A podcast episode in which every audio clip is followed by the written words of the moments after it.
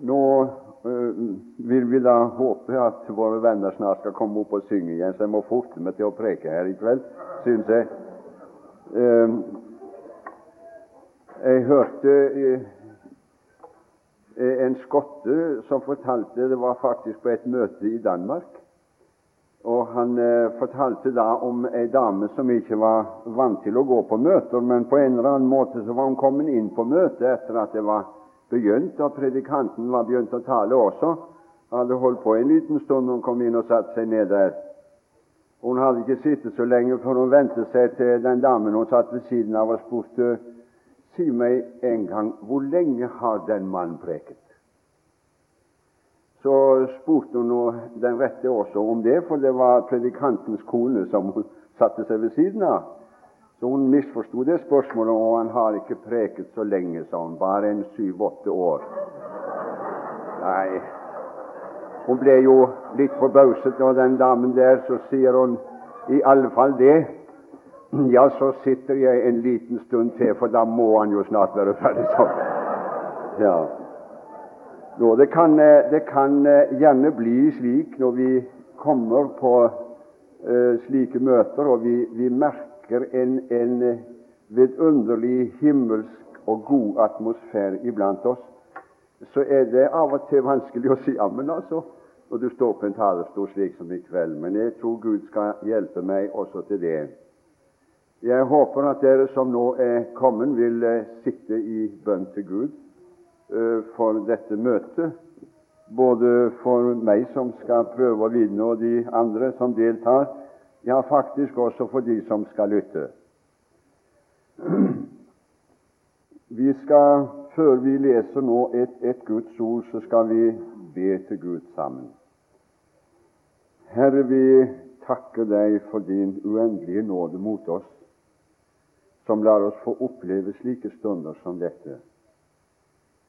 Vi må tro og skjønne at vi er et privilegert folk Tenk at vi kan få være her hvor du, Jesus, er sentrum iblant oss. Det er egentlig ditt møte, det er dine timer, det er ditt kurs.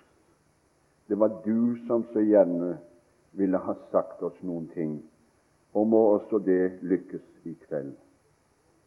Herre, ta våre tanker i besittelse. Du vet de flakker omkring på så mange vis. Herre, gjør oss stille i vårt indre. La ditt ord bli båren inn til vårt hjerte ved din hellige ånd i kveld, og la det skape hva det nevner, til vekkelse, til omvendelse, til frelse for folk. Gud, må det lykkes i Jesu navn. Amen. Det er en eh, beretning i Markus 10 som jeg må tilstå har voldt meg mye, mye og skapt veldige problemer i mitt liv. Jeg leste ikke min bibel dere før etter jeg ble omvendt til Gud, enn da jeg vokste opp i et troende hjem. Jeg var 19 år gammel den gangen da jeg bøyde meg for Herren radikalt ifra synden og verden og til Gud. Så jeg vet hva det der er å vende om ifra verden og til Gud. Da begynte jeg jo å lese i Bibelen, som eh, var en ny bok for meg. Imidlertid så fikk jeg et herlig evangelium forkynt på bedehuset hjemme og på, på de kurs jeg også fikk lov å være med i på som nyfrelst. Evangeliet om den korsfestede og oppstandende Jesus, jeg fikk tidlig rede på at frelse det er noe helt uforskyldt av bare nåde. Det er en gave ifra Gud. Og jeg begynte å tro det at jeg faktisk var et Guds barn av bare nåde, og at jeg hørte Herren til for Jesus skyld. Inntil jeg leste denne beretningen om den rike yngling som vi finner i Markus 10. Ja, det satte meg på en alvorlig prøve, det må jeg si. Her er det også en som spør om veien til det evige livet, eh, og han spurte den rette. Og Jesus er i, han er i sjelesorg hos Jesus, og det skulle også være den rette personen. Og når Jesus driver sjelesorg på denne mannen, da er det ikke tale om nåde. Da finner du ikke noe som er uforskyldt. Så da tenkte jeg hvem er det nå som forkynner rett? Det skulle jeg i grunnen aldri være i tvil om, for jeg må regne med at Frelseren selv vet hva han taler om. Og det er Jesus vi leser om i, i beretningen om den rike yngling. Der er det ikke noe uforskyldt av nåde. Der er det bare krav og atter krav. Og som om ikke det var nok, så kommer han med atter nye krav inntil den rike yngling forlot ham meget rik og meget bedrøvet. Å, hvor jeg hadde hatt lyst med det samme jeg hadde lest denne beretningen, til å fått en samtale med Jesus. Og hvor jeg forsto disiplene som var vitne til det hele. Når de kom og spurte, eller de talte seg imellom og sa Ja, hvem kan da bli frelst, Jesus? Vi bare spør er det mulighet for folk til å bli frelst. Hvem kan da bli frelst? Det er liksom avslutningen på denne beretningen, hvorpå Jesus svarte disse mennene. Og det står i det 27. vers. For mennesker er det umulig. Det var en lite oppløftende tekst jeg skulle tale om i kveld, ikke sant? Men det er sannheten. Du er et menneske, min venn, for deg er det umulig å bli frelst. Du kan gjøre hva du vil, men du vil aldri oppleve frelse på det du gjør. La meg endelig få si det. Men han slutta ikke der, Jesus. Han satte ikke punktum med å si 'for mennesker er det umulig', for da hadde det jo vært umulig. Men han føyde til 'men ikke for Gud'. Og se, det er hemmeligheten. Ikke for Gud er det umulig. For alt er mulig for Gud. Og nå er Han her hos oss i kveld hvis det er noen som ønsker å bli frelst, må du aldri prøve å ordne den saken alene. Men nå er Frelseren til stede, og han er en mester i å frelse slike som ikke kan frelse seg selv. Det er det som ligger i det. Og det er det også Herren ville ha lært oss. Det har jeg skjønt etter hvert som jeg har fått sett inn i i sannheten i denne beretningen. Han ville ganske enkelt vise oss den tingen at for mennesker er det umulig. Så må da ingen predikant eller noen annen prøve å gjøre det mulig, som Jesus har sagt er umulig. Jeg har også hørt det, nemlig. For han bruker jo her også bildet, vet du, hvor han sier det er lettere for en kamel å gå gjennom et nåløye, sa Jesus. Et underlig bilde. Men han visste hva han skulle si, og hvilket bilde han skulle bruke. Det er lettere for en kamel å gå gjennom et nåløye enn for en rik å gå inn i Guds rike. Og jeg har faktisk hørt akkurat det ordet der utlagt som om det slett ikke var umulig, det, for en kamel å komme gjennom nåløyet. For da eh, sier de nemlig at Jesus tenkte på eh, eh, en port eh, i Jerusalem. Der var det mange porter. Men en av disse er kalt for nåløye, er det sagt. Ja, ja, det nåløyet tror jeg ikke at Jesus talte om. Nei da. Og disse de fortsetter med å si at det er ikke umulig å komme gjennom nåløyet inn i Jerusalem. Hvis bare kamelen lesser av seg alt det han kommer drassende med, og, og, og med flid og møye strever det han kan, så kanskje det lykkes for ham å komme inn i Jerusalem gjennom nåløyet. Ja, jeg må ærlig tilstå, første gang jeg hørte det, satt jeg og smilte med meg selv. For jeg så for meg og tenkte er alle kameler like store der rundt Jerusalem? Er det ikke noen svære rugger av noe dyr, og noen bitte små tasser? Jo, det er. Og jeg tenkte at hvis stakkars han som har vokst seg så svær Det blir umulig for han å komme inn, det er helt sikkert. Om han legger av seg alt, og vel så det, så vil han bli stående fast i nåløyet. Og så kan den lille tassen Han behøver ikke, han behøver ikke legge noe av seg i hele tatt. Han. han kan bare drasse med seg alt og gå rett igjennom, for han er så liten. Ja, men, men sånn går ikke. Jesus talte ikke om det nåløyet. Han talte om et nåløye. Det som dere kvinner kanskje er aller best kjent med. En skjønt nå i likestillingens tid nå skulle vi også være kjent med det, vi som mannfolk er.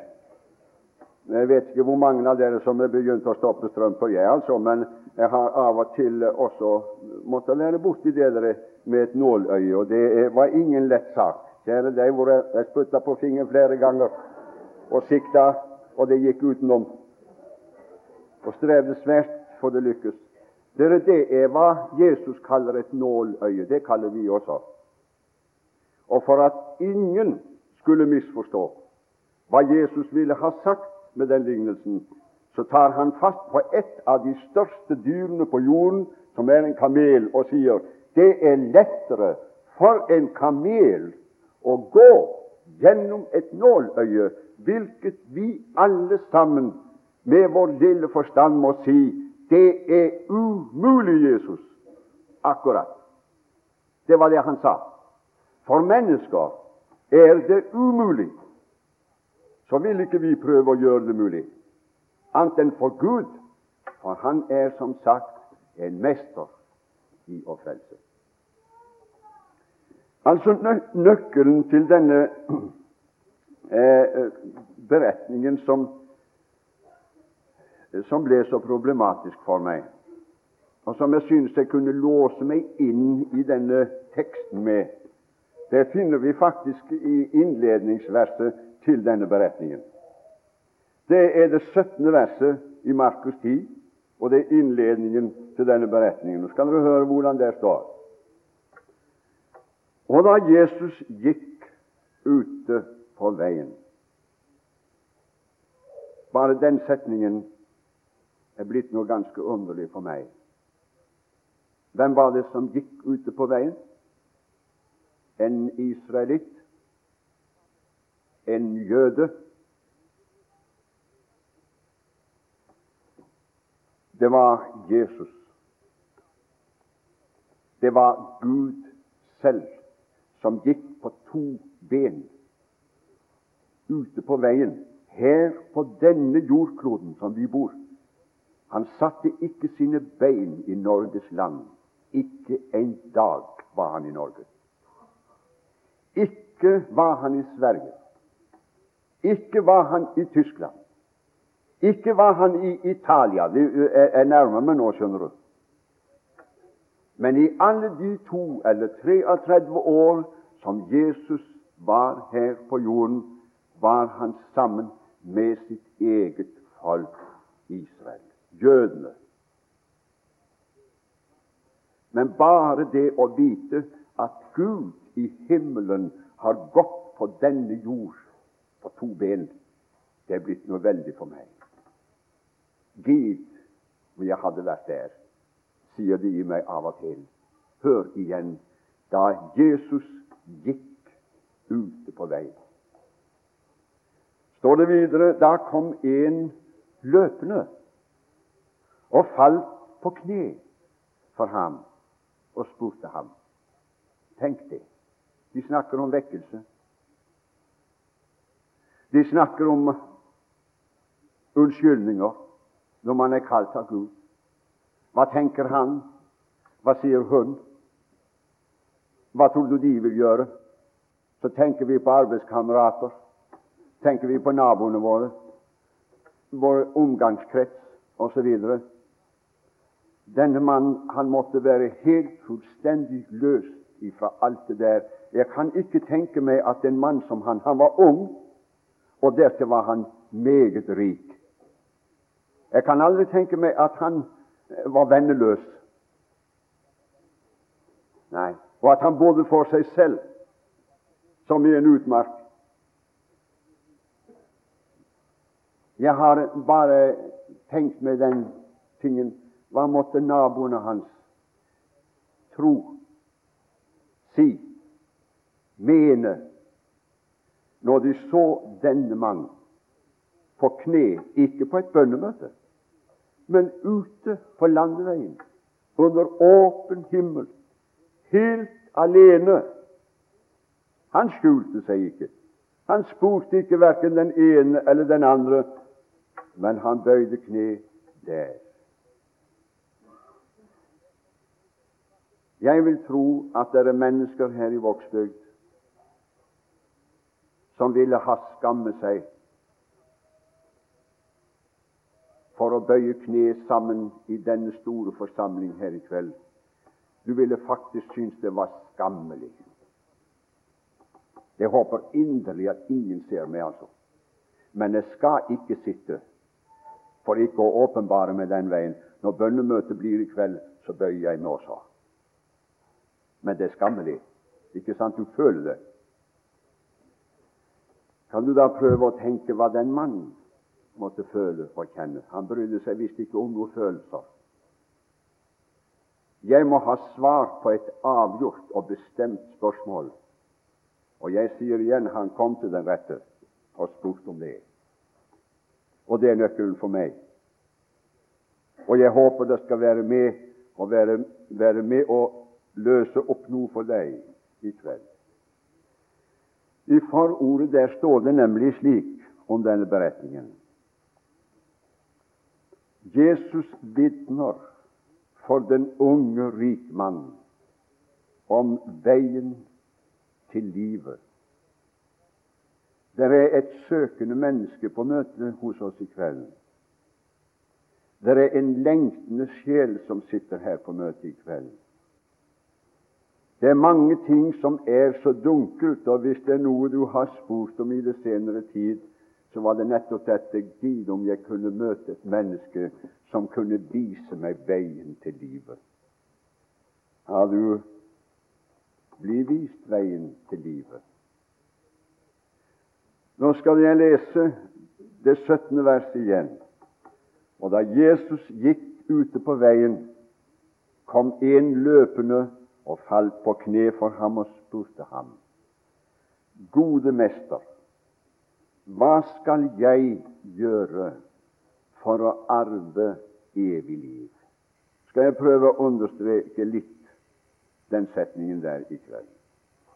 Gode mester, hva skal jeg gjøre? Er ikke det typisk for vakte mennesker? Er ikke det typisk for søkende sjeler?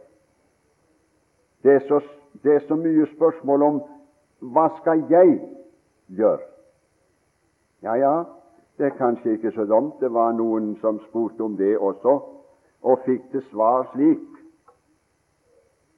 Tro på den Herre Jesus, så skal du bli frelst du og ditt hus. Han også visste hva han forkynte den gangen til fangevokteren i Filippi. Men eh, jeg vil gjerne henlede oppmerksomheten din på selve formuleringen av dette spørsmålet, for det er et ganske underlig spørsmål. Nå skal du høre. Hva skal jeg gjøre for å arve? Nå stopper vi der. For det er poenget, nemlig. Synes du det er særlig viselig spurt? Spør du også slik? Ikke en av oss. Dertil kjenner vi litt bedre til hva en arv er for noen ting, vil jeg tro. Hva skal jeg gjøre for å arve? Slik spør ikke vi. I Norge der spør de gjerne av og til hva skal jeg gjøre for å bli frelst? Hva skal jeg gjøre for å bli en kristen? Ja, ja, det er greit nok, det også. Men tenk også formulere et spørsmål slik Hva skal jeg gjøre for å arve evig liv? Da ville jeg ha spurt en mann hvor vet du det fra? For han hadde fått seg åpenbart en hemmelighet i evangeliet som mange nordmenn slett ikke er klar over.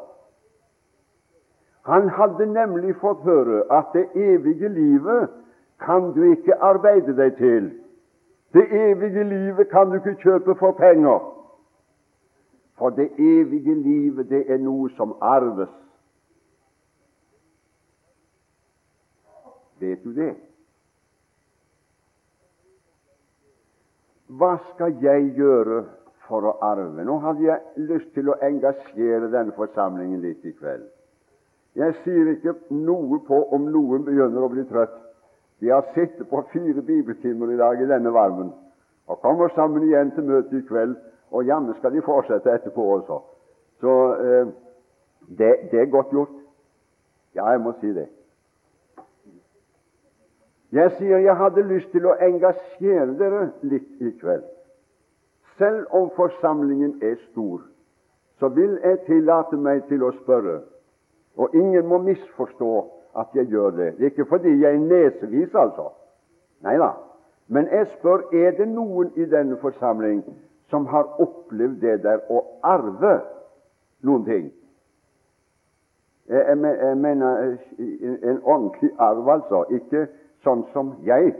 For jeg eh, ble nemlig født halvannet år etter en, en annen eldstebroren min, altså. Den slags arv. Jeg gikk jo i halvslitte bukser og sko til jeg var konfirmant, ja, altså. For han vokste ut av de, og jeg trådte inn i de. Den slags arv, det kan være det samme. Men jeg mener en ordentlig arv, altså. Er det noen som har opplevd det? Det er kanskje litt farlig å spørre slik, men noen er frimodige, og de retter opp en hånd, de som har opplevd det. Jeg skal ikke spørre deg hva du har arvet. Det er voldsom nesevist og dumt gjort av meg. Her er mange hender her i kveld. Her er erfarne mennesker, med andre ord. Og de vet hva jeg taler om i kveld. Jeg har også arvet. Før den tid var jeg også obs på dette ordet her.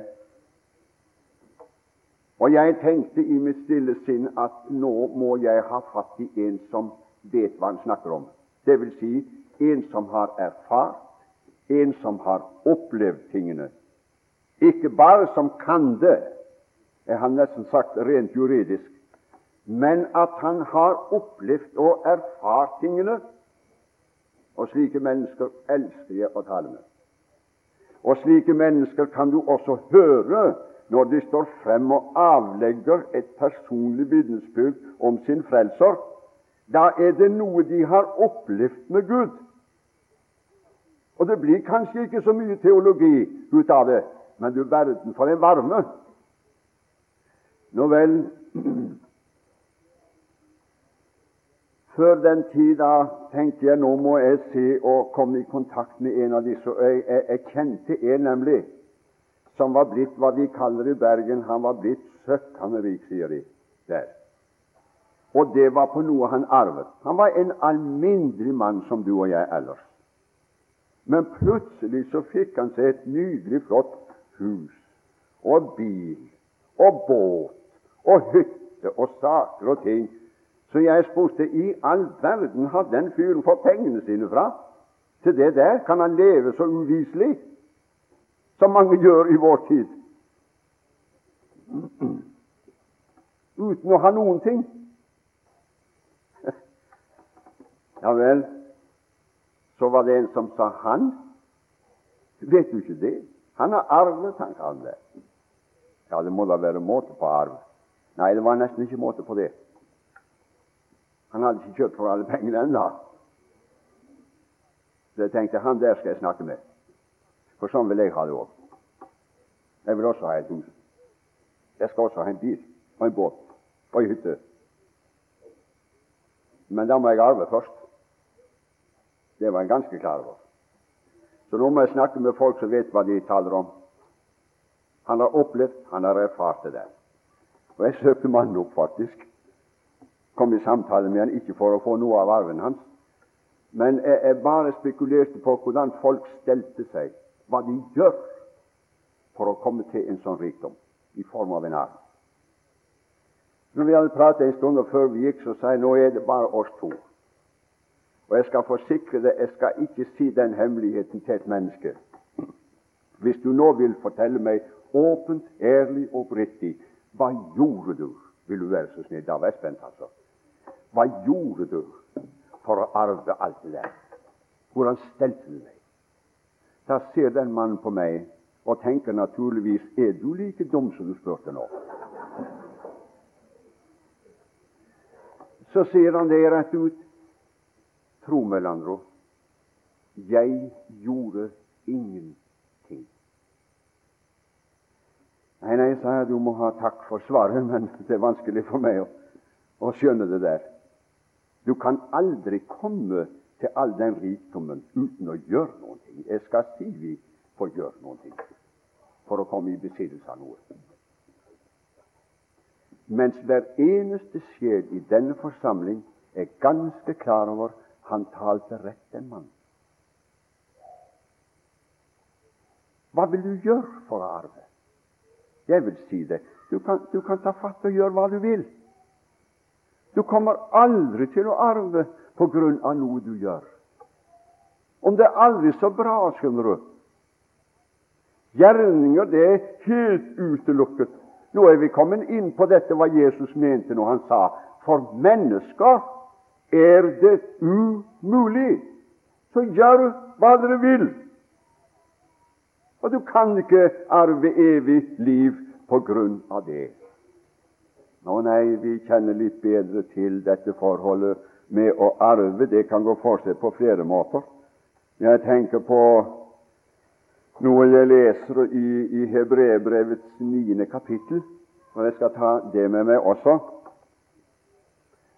Da tenker jeg på en arv i form av en testamentert gave, altså. Det er mange som arver den veien der. Og jeg syns det er veldig viselig eh, av foreldre som har, har nesten sagt noe å rutte med, at de virkelig setter opp et greit og skvært testamente, så det ikke blir noe slagsmål etter at de er kommet i graven. For da er det ikke noe å snakke om. Et testamente er et testamente. Han skal ha sitt, og hun skal ha sitt. Det er ikke noe å komme etter det. Så leser vi også i Hebrebrevets 9. kapittel, det 16. og 17. vers, for hvor det er et testament. En veldig praktisk Bibelen. Har du lagt merke til det? Ja. Hvor det er et testament, der er det nødvendig at dens død som har opprettet det, blir godtgjort. For et testament! Ja, Nå leser ikke jeg noe nytt for folk i Vågsbygda, eller hvor de er kommet ut til Kroset. Du er så helt ganske klar over det, men du visste ikke at det sto i Bibelen, altså. Men det er der de har det fra, skjønner du. Ja, det er der de har det fra. Et testament kommer først til å gjelde efter døden, står det da det aldri har kraft så lenge den lever som opprettet det. Jeg vet ikke om du ser meg. Jo da, de ser meg både i TV der ute og der nede, og, og dere ser meg, for det står høyt her i kveld. Er dere klar over hvilket, hva jeg står med her i hendene i kveld? Du sier det er Bibelen. Vel, kan du si det på en annen måte? Jesus, kan du si det på en enda annen måte? Jeg taler om et, et testament. Dette er et testament, folk.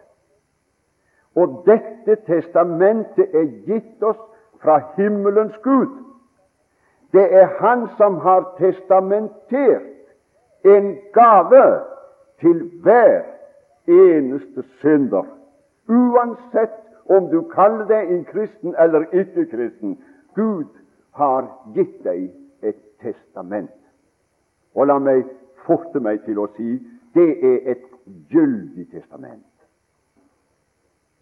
Det trådte i kraft, dette testament, den gangen da han som opprettet testamentet, døde på Golgata kors.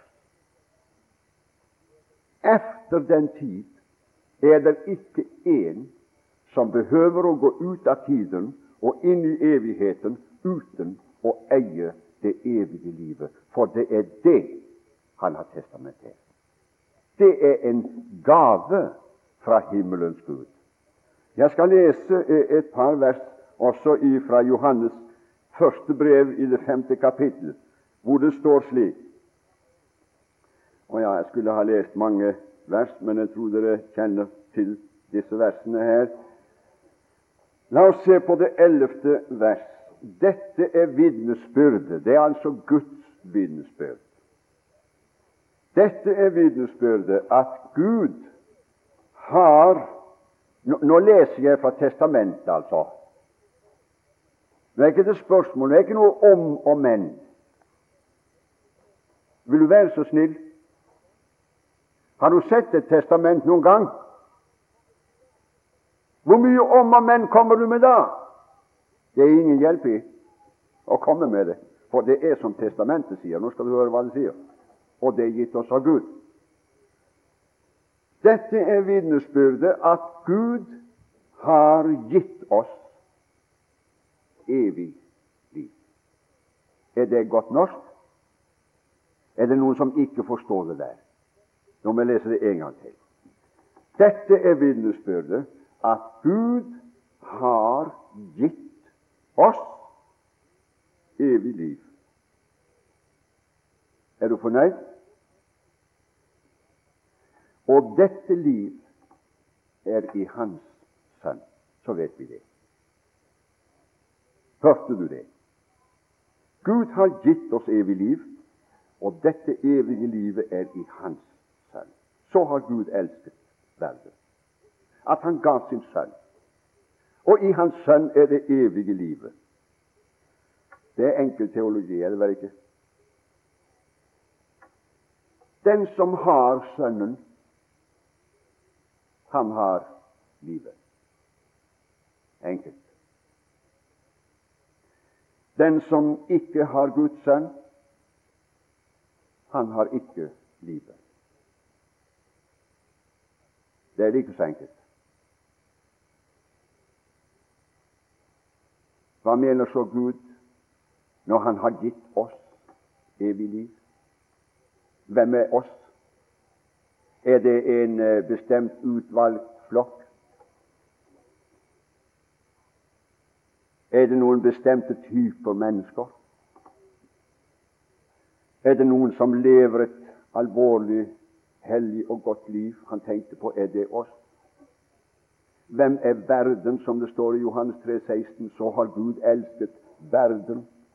Må jeg få lov å si deg, min ufrelste venn, i kveld, dette har med deg å gjøre.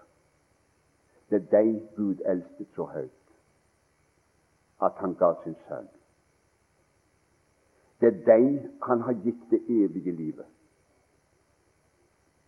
Ja, Men hvordan kan det så stå at den som ikke har Sønnen Så må det jo naturligvis være noen Gud ikke har gitt Sønnen til. Nei, hvorfor skulle det være så naturlig? Jeg skal lese et annet vers for. Det er Johannes evangeliets første kapittel, og det står i det, i det tolvte vers. Nå må du høre godt etter. Nå taler jeg om veien til livet i kveld, det evige livet. Så det er veldig avgjørende at du lytter nå. Skal du se hva det står der? Men alle dem som tok imot ham Gjorde ikke alle det? Antagelig ikke. Må jeg få lov å spørre deg, min tilhører i kveld, hva har du gjort? Gud har gitt. Han har gitt sin sønn. Og i Hans sønn er evig liv. Jeg spør har du tatt imot ham? Vel, da har du livet. Men har du ikke tatt imot ham, da har du ikke livet. Men Gud har gitt sin sønn og det evige livet til alle mennesker. Det er Derfor er dette blitt veldig avgjørende for meg. Det er lenge siden jeg har slutta med å reise omkring og holde moralprekener for folk. For det vet jeg fører aldri frem til noe frelse. Det er lenge siden at jeg er reist omkring og lokker folk på bønnemøter til å bøye sine kne. Det kan heller ikke redde noen ting. For jeg har nemlig fått den avgjorte tro på at et menneske blir like godt frelst når det sitter, som når dere er på kne. Jeg tror at folk kan bli frelst dere om de går ute på veien. Jeg tror de kan bli frelst om de ligger i sin seng. Ja, jeg tror ennå de kan bli frelst om de henger på et kors uten å kunne folde sine hender, uten å kunne bøye sine kne. Alle disse ytre religiøse formene som vi har, det kan ofte føre mennesker på avveie, og så lever de i former. Og så lever de i en slags frelse som de har laget seg selv, uten å la Gud få komme til å frelse dem. Og så holder de ut i noen år, og så sier de at disse er frafalne. Og det er også blank løgn, for de har ikke noe å falle ifra. Nå vel, Gud har gitt oss evig liv, og dette livet er i Hans Sønn. Den som har Sønnen, har liv, og den som ikke har Guds sønn, har ikke livet. Et testament er det vi leser. Så står det videre Dette har jeg skrevet til eder, for at de skal føle at de har evig liv. Skjønner du det nå? Nå tror jeg snart det er bare Olga som sitter og rister på hodet her. Ja, det står det, men jeg leste galt. Det var bare det at du la ikke merke til det. Men du må være kolossal våken, for eh, av og til så har jeg det med det å lese galt, for å se om folk følger med eller om de godtar alt som kommer fra prekestolen. Det jeg slutta med for lenge siden. Ja, Jeg husker godt Gustav Ballestad kom på prekestolen i sin tid og sa nå skal dere få høre et vidunderlig evangelium. Og så leste han Matteus eh, 11,28. Kom til meg, alle de som hviler, alle de som eh, eh, hviler og har lett å bære. Jo meg skal det få slite deg ut. Det var ikke vanlig for han å sitere det på nynorsk. Men tror du ikke det at det satt noen og bukka i forsamlingen? Jo da. Snille mennesker som ikke skal stenge, men som skal være med liksom og løfte opp under. Men, men du vet, det blir jo noe skal til det. Hva? Så siterte han Guds ord helt galt. Ja, ja, kanskje for verslige mennesker så kunne jeg tenke meg at det der hørtes helt naturlig ut. For sånn er det de ser på det å bli en kristen. Det er som Jesus står der og sier, 'Kom til meg, det som hviler, og det som har lett å bære, og jo meg skal dere få slite dere ut.' Det var da ikke det Jesus sa. Han sa det akkurat det motsatte. Han sa, 'Kom til meg, dere som strever og har tungt å bære, og jeg vil gi dere hvile', sa Jesus. Men da sovna de, hvis de sier det sånn. Men dere, jeg leste galt her, nemlig et ord som ikke står der, og det er ordet 'følge'. Dette har jeg skrevet til eder for at Jeg nå leser på gamlemåten her i gamle Bibelen. Dette har jeg skrevet til eder for at I skal Hva står der? Bite. Det er andre boller enn å føle det, folk. Det skal jeg si deg Og vite en ting. Hvorfor vet jeg det? Fordi det står skrevet, vel, i testamentet som Gud har gitt meg. Han har gitt meg evig liv. Så tar jeg Gud på ordet. Kristus døde på Golgata kors et gyldig testament. Og jeg må slutte. Jeg skal bare ha med meg eh, noe som kunne gjerne være med å illustrere litt av dette helt til slutt. Det, det, det gjorde et veldig inntrykk på meg første gangen jeg fikk høre det. Om en eh, forholdsvis ung mann som reiste til Amerika for å, ja, for å gjøre det iallfall noe bedre enn han kunne gjøre det her økonomisk. Og det kjenner vi jo til, spesielt her på Sørlandet. Det hadde ikke vært spøkt med mange sørlendinger om ikke Amerika hadde eksistert. Det er nå iallfall sikkert. Men det gikk ikke noe særlig godt for denne mannen, for han kom i dårlig selskap. Og han havnet i dritt og elendighet, og havnet hva vi kaller downtown, hvor slummen holder til. Han slutter med å skrive hjem til sin mor. Hun sendte flere brev de kom ikke tilbake heller. Han hadde skiftet navn og seilte under falsk flagg i Amerika.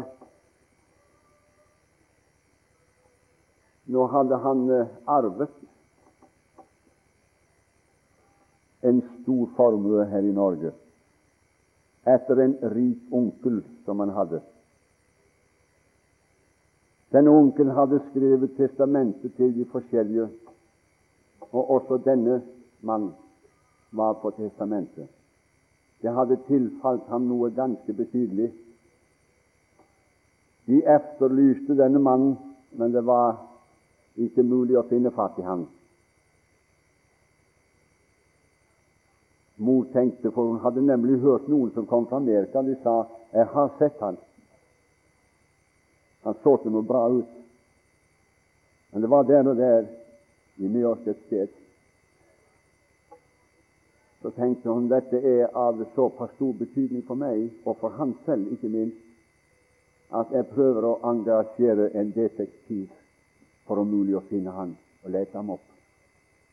Og det ble gjort også. Denne mannen hadde en beskrivelse av vedkommende han skulle lete opp. Han hadde bilde av gutten. Han var ute om nettene, han var ute om dagen.